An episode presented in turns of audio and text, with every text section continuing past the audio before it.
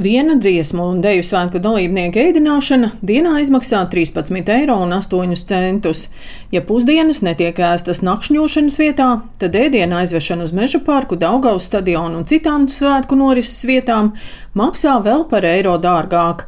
Svētku organizatoru pārstāve Inese Siksna stāsta, ka dalībnieku ēdināšana būs sarežģīta administrējums process. Kopējais skaits mums ir virs 40 eh, tūkstošiem, bet tas nav, protams, katru dienu. Katru dienu šis dalībnieku skaits ir atšķirīgs. Vienlaicīgi vislielākais skaits, protams, ir eh, mežparka Estrāde tas tāds lielākais izaicinājums. Ņemot vērā, ka dalībniekiem ir liela slodze, mēs viņiem nodrošinām pietiekamu enerģijas daudzumu. Tātad visa svētku ēdienu karte tika veidot pēc veselības ministrijas eh, veselīgu uzturu rekomendācijām, ievērojot arī šo noteikto uzturvielu dalījumu un arī šo nepieciešamo enerģijas daudzumu. Un arī ēdienu kartē, protams, ir klāta informācija par alergēniem, kas ir eh, arī ļoti būtiski. Varēja arī atteikties vispār no šīs ēdināšanas, piemēram, ja viņiem ir kāds īpašs eh, sarežģīts, varbūt diētas ierobežojumi vai vai ļoti saspringts teiksim, grafiks, kur dalībnieks nezina, vai viņš tiek uz teiksim, visām ēdienreizēm.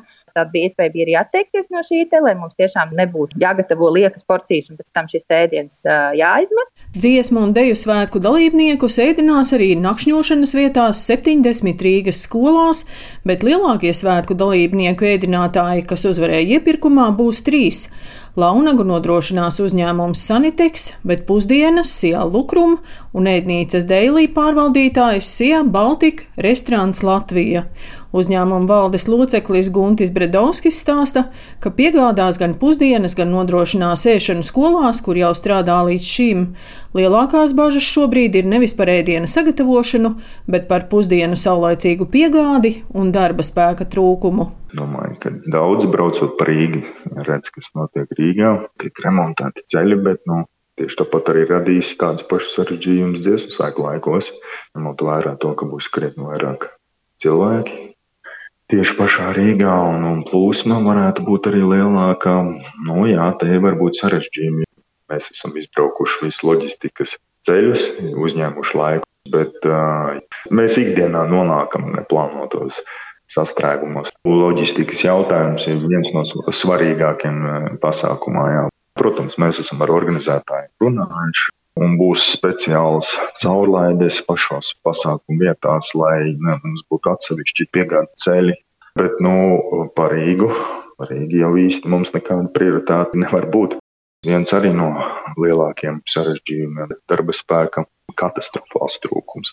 Cilvēku virsstundas var strādāt, cik likums nosaka. Pārtiks veterinārā dienesta Rīgas pilsētas pārvaldes vadītājs Raimons Tukišs atgādina, ka karstajā laikā ir svarīgi atcerēties par pārtikas drošību.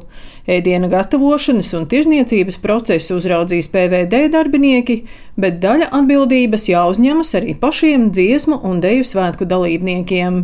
Ja tajā ēdienreizē ir paredzēts šis siltais ēdiens, tad viņš arī jāpēd ir uzreiz, kamēr viņš ir silts, nevis atstājot uz kaut kādu vēlāku laiku. Tie produkti, kas ir launā pakās, teiksim, viņi tiek izdalīti jau no augstuma mašīnām.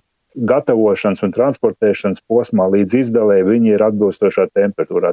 Pamatu pamats, kam būtu jāpievērš uzmanība un kas būtu jādara. Tad roku tīrība, ēst uzreiz, pamatu pamats ir šie higiēnas pasākumi. Lai izvairītos no atkritumu kalniem, ko varētu radīt plasmasas ūdens pudeles, svētku organizatori aicina gan dziesmu un deju svētku dalībniekus, gan koncertu apmeklētājus uz norises vietām ņemt līdzi daudzkārt uzpildāmās ūdens pudeles.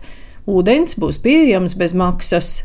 Daina Zalamane, Latvijas radio.